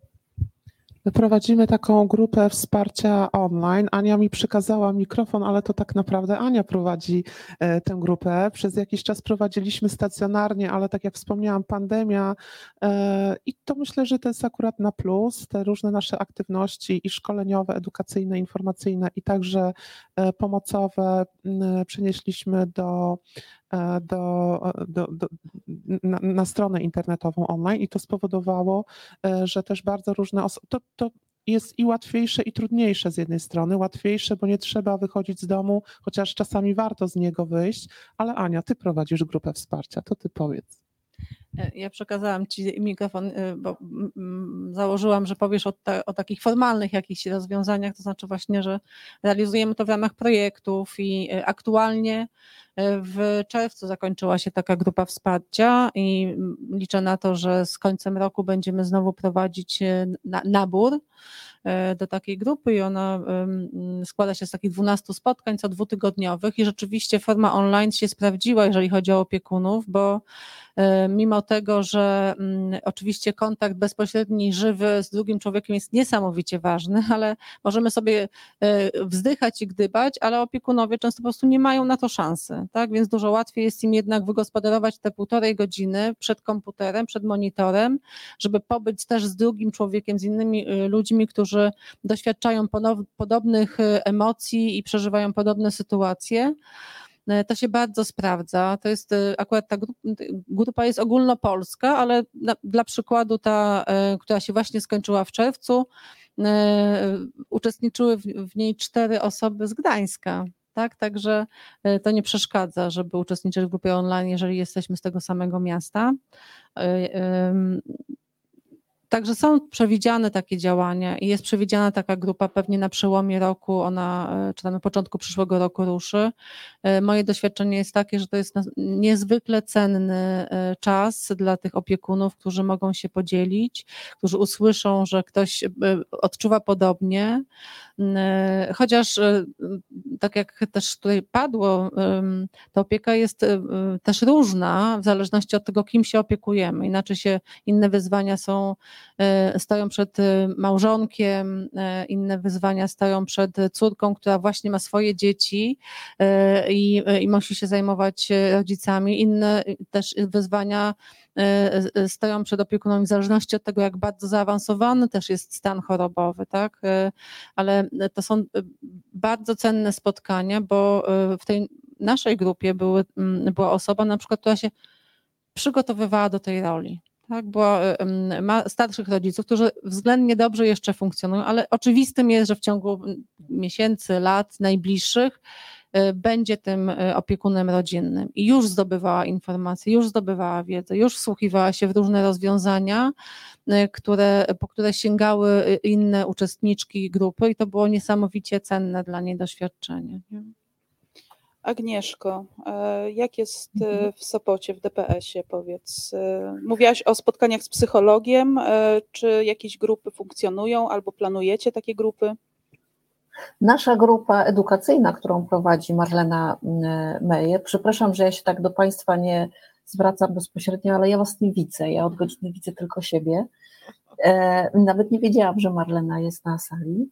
To jest również grupa, gdzie po części edukacyjnej e, otwieramy dyskusję i opiekunowie mogą wymienić się swoim doświadczeniem, rozmawiają sami ze sobą, wskazują, co u nich w domu się udało, co jednak się nie udaje, jak to poprawić. Także jeżeli ktoś opiekuje się w domu osobą z chorobą otępienną, to zapraszam na te warsztaty. Zaczynamy od edukacji, ale zawsze jest czas na dyskusję. Pani Wirginio, czy e, MOPS Sopot e, tutaj e, ma- jeszcze jakieś rozwiązania, czy nie wiem, spotkania z psychologiem właśnie, takie wsparcie dla opiekunów? Tak, jak najbardziej. W Miejskim Ośrodku Pomocy Społecznej w Sopocie również funkcjonuje taka grupa mm, wsparcia dla osób, które są opiekunami rodzinnymi. W tej chwili będziemy e, zachęcać, żeby zgłaszać swoje kandydatury, ponieważ być może będziemy e, kolejny nabór tutaj e, przeprowadzać, mm, bo z tego co ostatnio się dowiedziałam, to zakończyła się jedna, jedna grupa, ale zapraszamy. Jest też tutaj czynny w Ośrodku Pomocy Społecznej telefon, z którego można skorzystać i bardzo zachęcamy do kontaktu właśnie z psychologiem i to jest codziennie właśnie w godzinach od 8 do 15 w godzinach pracy ośrodka, od poniedziałku do piątku i psycholog e, zarówno, zarówno pełni taką funkcję e, takiego terapeuty, e, jak i informuje o tym, z czego jeszcze można skorzystać dodatkowo. Także zapraszam. Bardzo dziękuję. Czy, o, widzę, że jest pytanie kolejne. Dzień dobry wszystkim. E, Ja chciałam się zapytać em, mm, o etapy syndromu wypalenia opiekuna, bo Panie powiedziały, że to się kończy taką złością, może nawet depresją. Ja się opiekuję tatą, który ma 84 lata razem z moim synem. I e, no, chciałam wiedzieć, e, jak to wygląda, dlatego że my chyba żeśmy doszli już właśnie do takiego momentu, takiej ja wiem, niecierpliwości zniecierpliwienia, jakiejś złości, to po pierwsze. Aczkolwiek chcę właśnie też powiedzieć o tym, co Panie powiedziały, o tej winie. To jest trochę rzeczywiście tak. I chyba najgorsze w tym wszystkim jest to, że człowiek się w ogóle wstydzi tego, tej złości, e, nie przyznaje się do tego nawet przed samym sobą, bo po prostu nawet, no właśnie nie wie, że może poszukać tej, e, takiego wsparcia. Ja tu właśnie chcę bardzo podziękować Pani Wirginii, bo nie wiem, pewnie mnie nie widzi, ale e, tak jak pani Agnieszka nas, ale ja tak z ulicy, przyciśnięta już do ściany, weszłam do MOPS-u. Mówię, no trudno, no najwyżej się dowiem albo się nie dowiem. No i się dowiedziałam, co mogę zrobić, żeby sobie po prostu ulżyć. Ale ja to jeszcze ja, natomiast mój syn pracuje zdalnie i on jest właśnie z moim tatą 24 na dobę od przeszło dwóch lat. Więc no cieszę się już, przepraszam znowu, tak? Nie powinnam przepraszać, ale się cieszę na to, że zyskałam taką opiekę wytchnieniową, właśnie chociażby ze względu na mojego syna, bo widzę, że on już, jak to się mówi, nie trzyma ciśnienia, to znaczy jemu jest coraz ciężej, tak? Bo ja po prostu wracam po pracy do taty, tak? Natomiast on jest zamknięty w domu tak naprawdę. Więc właśnie jak wyglądają te syndromy, co mnie jakby nieświadomie ominęło po prostu, chciałam tak zweryfikować, co, co się dzieje u takiego opiekuna. Ja nie wiem, e, znaczy, e, jakby to jest nasilenie, nasilenie emocji, tak? Bo od, od samego początku, e, jeżeli jesteśmy w relacji z drugim człowiekiem, odczuwamy różne emocje, ale te emocje z, w takich względnie jeszcze spokojnych czasach, one szybciej przemijają, lepiej umiemy sobie z nimi poradzić. I ta sytuacja nie trwa jeszcze tak długo, żeby była aż tak bardzo y, y, dojmująca i przygniatająca. Jeżeli częściej może na początku opieki są też takie naturalne sytuacje, kiedy jeszcze tak bardzo nie wpadniemy w tę, w tę rolę, kiedy jeszcze spotykamy się ze, y, y, ze znajomymi, są różne inne zewnętrzne sytuacje, y, ale z czasem, kiedy jesteśmy coraz bardziej w tej roli opiekuna, y, no te to, kontakty towarzyskie trochę zanikają, e, okazje do tego, żeby e, wyjść, pobyć w innej e, sytuacji, jest ich coraz mniej, więc coraz bardziej dojmujące jest to wyczerpanie, przeciążenie. Nie? Ale my tego nie za, jakby bywa tak, że ignorujemy to. No, no, no, Trudno, żebym nie była zmęczona, trudno, żebym, e, e, żebym, nie wiem, wychodziła gdzieś, no bo przecież mój tata jest w domu, jak ja mogę e, pójść sobie do kina, albo w ogóle odczuwać przyjemność. To też jest takim oznaką tego syndromu wypalania się sił, że nie pozwalam sobie na odczuwanie przyjemności, mając świadomość, że mój bliski to, to jest dla niego niedostępne, z czego ja mogę skorzystać. Więc z tego przestaje z tego korzystać, tak? Czyli ta rezygnacja ze swoich różnych e, e, dotychczasowych zwyczajów, przyjemności, to jest taki e, kolejny etap tego wypalania się, tak?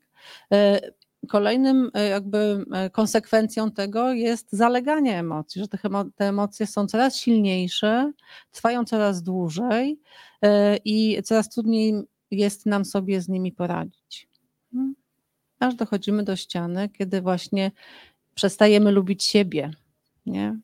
Mimo, bo, bo mimo tego, że bardzo kochamy naszego bliskiego, to głównie on nas denerwuje, e, tak? Trudno jest nam z nim spędzać czas, a tego wcale nie chcemy. Nie? I zastanawiam się, jak do tego mogło dojść. Hm?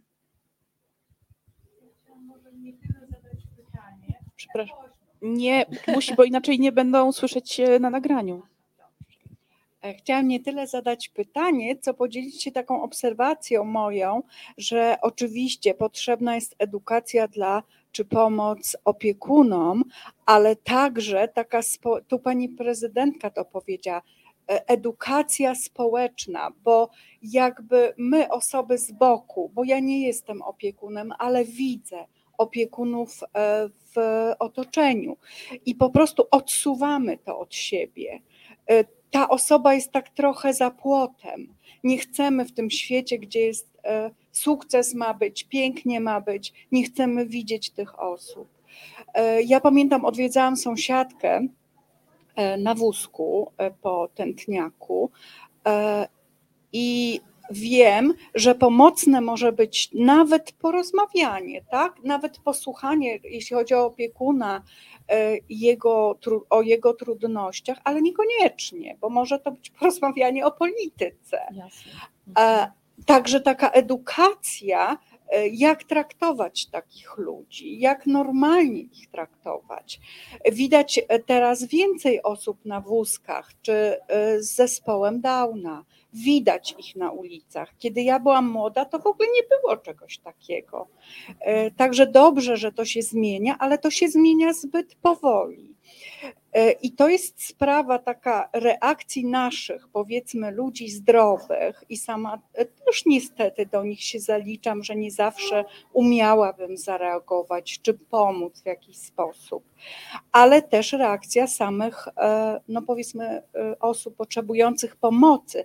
Ta sąsiadka, ja mówiłam jej, słuchaj, Basiu, pójdziemy na Mąciak, ja będę prowadziła wózek, pójdziemy sobie na spacer ale ona mówi, co ty? Przecież mnie zobaczą. E, I ja jej mówię, założysz kapelusz z szerokim rondem, jak Catherine Deneuve. Ale to jej nie przekonało. Sami chorzy e, zostawiają siebie e, w tle, w ogóle za, gdzieś tam w kącie. I to jest ta edukacja ogólna, właściwie której tak brakuje. Ja chciałabym powiedzieć, że e, e, rzeczywiście tak naprawdę niezwykłą sztuką jest umie, e, umiejętność proszenia o pomoc. proszenia o wsparcie. To jest niesamowicie ważny element edukacji właśnie opiekunów czy samych osób z, z chorobą, z niepełnosprawnością. Nie? Bo często bywa tak, że długo, długo, długo, długo nic nie mówią, bo właśnie muszą same sobie radzić, a później pękają i mówią, ja sobie nie radzę. I wtedy otoczenie się szybko zmyka, nie? No bo Boże, to co ja mam przejąć teraz w pełni tę opiekę? Ja nie dam rady, ja mam swoje życie i rzeczywiście tak jest, no mam swoje życie, no przecież nie zaopiekuję się w pełni tą osobą. Więc też takie pokazywanie, jak można komunikować swoje potrzeby i jak prosić o pomoc, na przykład, e, żeby prosić bardzo konkretnie, tak? Czyli w, w, y, kierować konkretne prośby do swojego otoczenia albo w konkretny sposób reagować na taką propozycję pomocy, jak na przykład sąsiadka no, y, za, zatrzymuje nas na, na, na klatce schodowej i pyta, co słychać, w czym mogę pomóc, tak? Y, słuchać, no wszystko dobrze, jakoś sobie radzimy. To jest pierwsza taka standardowa odpowiedź, więc jakoś to jest, jak ta sąsiadka pięć razy usłyszy taką odpowiedź, to szósty raz nie zapyta, no bo jak sobie radzisz, no to sobie radzisz, nie? E, po drugie, jak powiem, no, no nie, nie, nie rozsypiemy się przed nią, ale możemy e, powiedzieć, no ja bym potrzebowała, żeby kupić mi receptę, wykupić receptę, tak? Albo e, czy, nie wiem, w sobotę może miałaby Pani godzinę na to, żeby posiedzieć z moją e, mamą albo z moim mężem, a ja bym wtedy przez tą godzinę coś zrobiła. Nie, ja potrzebuję tej godziny. Łatwiej jest otoczeniu e, wygospodarować godzinę raz na jakiś czas, niż na przykład wyobrazić sobie, to co ja mam teraz codziennie z tym, z tym kimś siedzieć, ile godzin, no to jest niemożliwe. I czmycham, nie? Także te konkretne, e, konkretne prośby, bardzo precyzyjne, dają szansę na uzyskanie pozytywnej y, y, odpowiedzi z otoczenia. Hmm?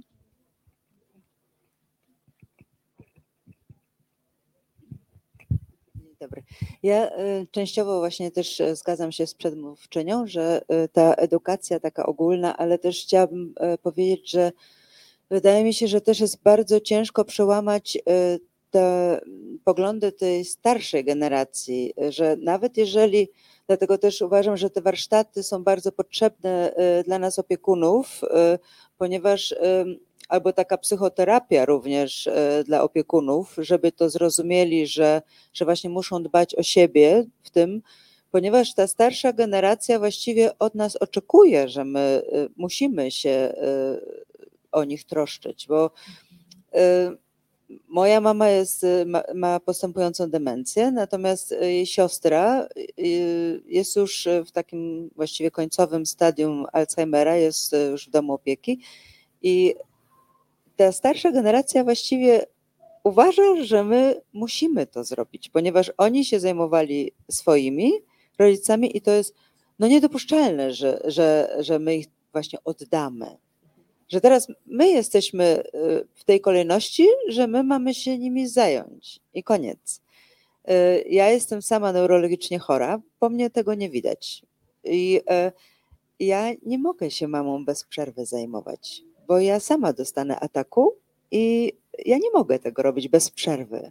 Ale mama tego nie uważa, bo ja zawsze byłam super aktywna i ja już za mamę wcześniej bardzo dużo rzeczy przejęłam, że tak powiem.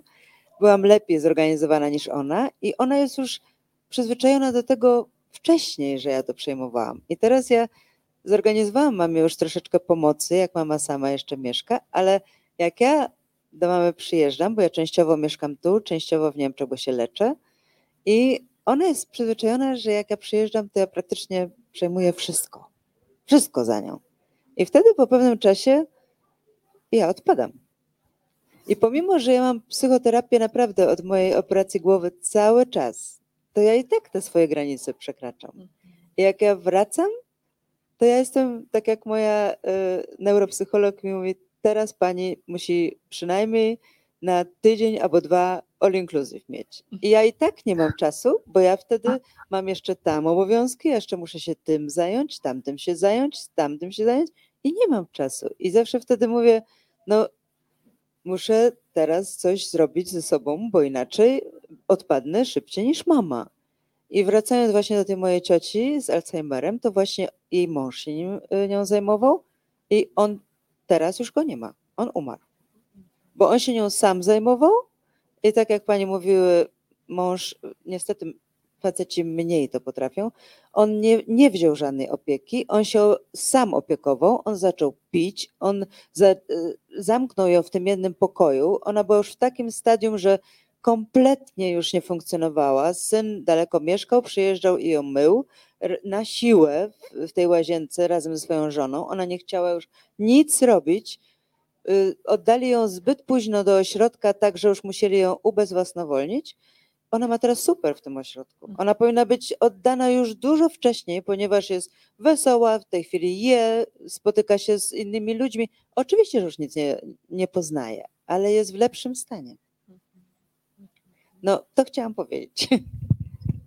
Tak, to takie bardzo mocne stereotypy, które jeżeli mówimy o tym, dzielimy się, czy to są spotkania grup wsparcia, czy takie spotkanie jak dzisiejsze, czy też, też się coraz częściej spotykam, nawet nasze podopieczne Akademii Walki z Rakiem, które opiekują się kimś bliskim, też może są bardziej świadome tego, że ja muszę zadbać e, o siebie i ja słyszę tę różnicę e, w rozmowach z opiekunami, którzy mieli jakiś kontakt z psychologiem czy z terapeutą, mieli jakieś wsparcie i mają tę mocną świadomość, że ja muszę za- zadbać o siebie, bo jeżeli o siebie nie zadbam, no to nie będę dobrym opiekunem czy dobrą opiekunką. A y, i, słyszę coś innego u osób, które nie, nie skorzystały z takiej opieki, z takiego wsparcia, gdzie e, niektórzy mówią nawet e, e, o, o takim e, właśnie oddaniu się, no bo kto jak nie ja, ja muszę, no bo jestem córką, synem, no i to jest rodzina, no przecież to jest moim obowiązkiem e, opiekować się e, kimś e, bliskim, ale wydaje mi się, że to też jest jakiś taki proces, który pomału, ale następuje. Im więcej będziemy mówiły, mówili o tym, im więcej takich spotkań, im więcej osób się dowie o, e, o, o warsztatach edukacyjnych, o, o, o różnego rodzaju możliwościach i im wydaje mi się, że im częściej też sami opiekunowie, tak jak Ania w swojej książce dzieli się doświadczeniem i mówi o tym, jak tworzyła swoją drużynę, czy Dagny, e, czy, czy inne osoby, które mówią o swoim doświadczeniu, to wtedy jest ten efekt, o który nam chodzi, że ojej, ja mam tak samo, albo ja mam podobnie i ja też mogę to zmienić, a może jednak dam się wyciągnąć na ten spacer na molo, bo, bo zobaczyłam, że inna opiekunka ze swoim podopiecznym na wózku na to molo dała się wyciągnąć w sumie i nikt nie patrzył, nic się nie stało, świat nadal istnieje, to może ja też. I, i, i to jest to, co, co, co przed nami e, i, i do czego też wszystkich e, zachęcamy, czy poprzez kampanię, czy tutaj, jak Panie poprzez swoje działania, to parafie też na pewno są takim dobrym e, miejscem, żeby też trafić do tego pokolenia starszego i mówić, że można inaczej. Mówiliśmy kiedyś, opiekun rodzinny nie musi być sam. Nie musi być sam. E, Tutaj działanie i otoczenia, i samego opiekuna, i otwartości, ale ja mam takie przekonanie, bo widzę, jak to się zmienia, pomału, ale się zmienia, że warto i będziemy to realizować, no bo, bo opiekunów, tak jak Dagny zaczęłaś mówić, będzie więcej, bo starzejemy się, tych potrzeb będzie coraz więcej, więc e, nie mamy czasu, musimy coś robić i, i, i fajnie, że, że, że- że tyle inicjatyw e, powstaje, coraz więcej. Musimy zaopiekować się opiekunami. E, czy jeszcze są pytania? Nie, nie widzę. Dobrze. Jak opiekunowie nazywają swoją rolę? Czy to jest misja? A ja od tego sąsiada y, słyszałam, to taki mój krzyż, to jest mój krzyż. I to się często słyszy y, i myślę, że to jest szkodliwe, takie powiedzenie, niestety.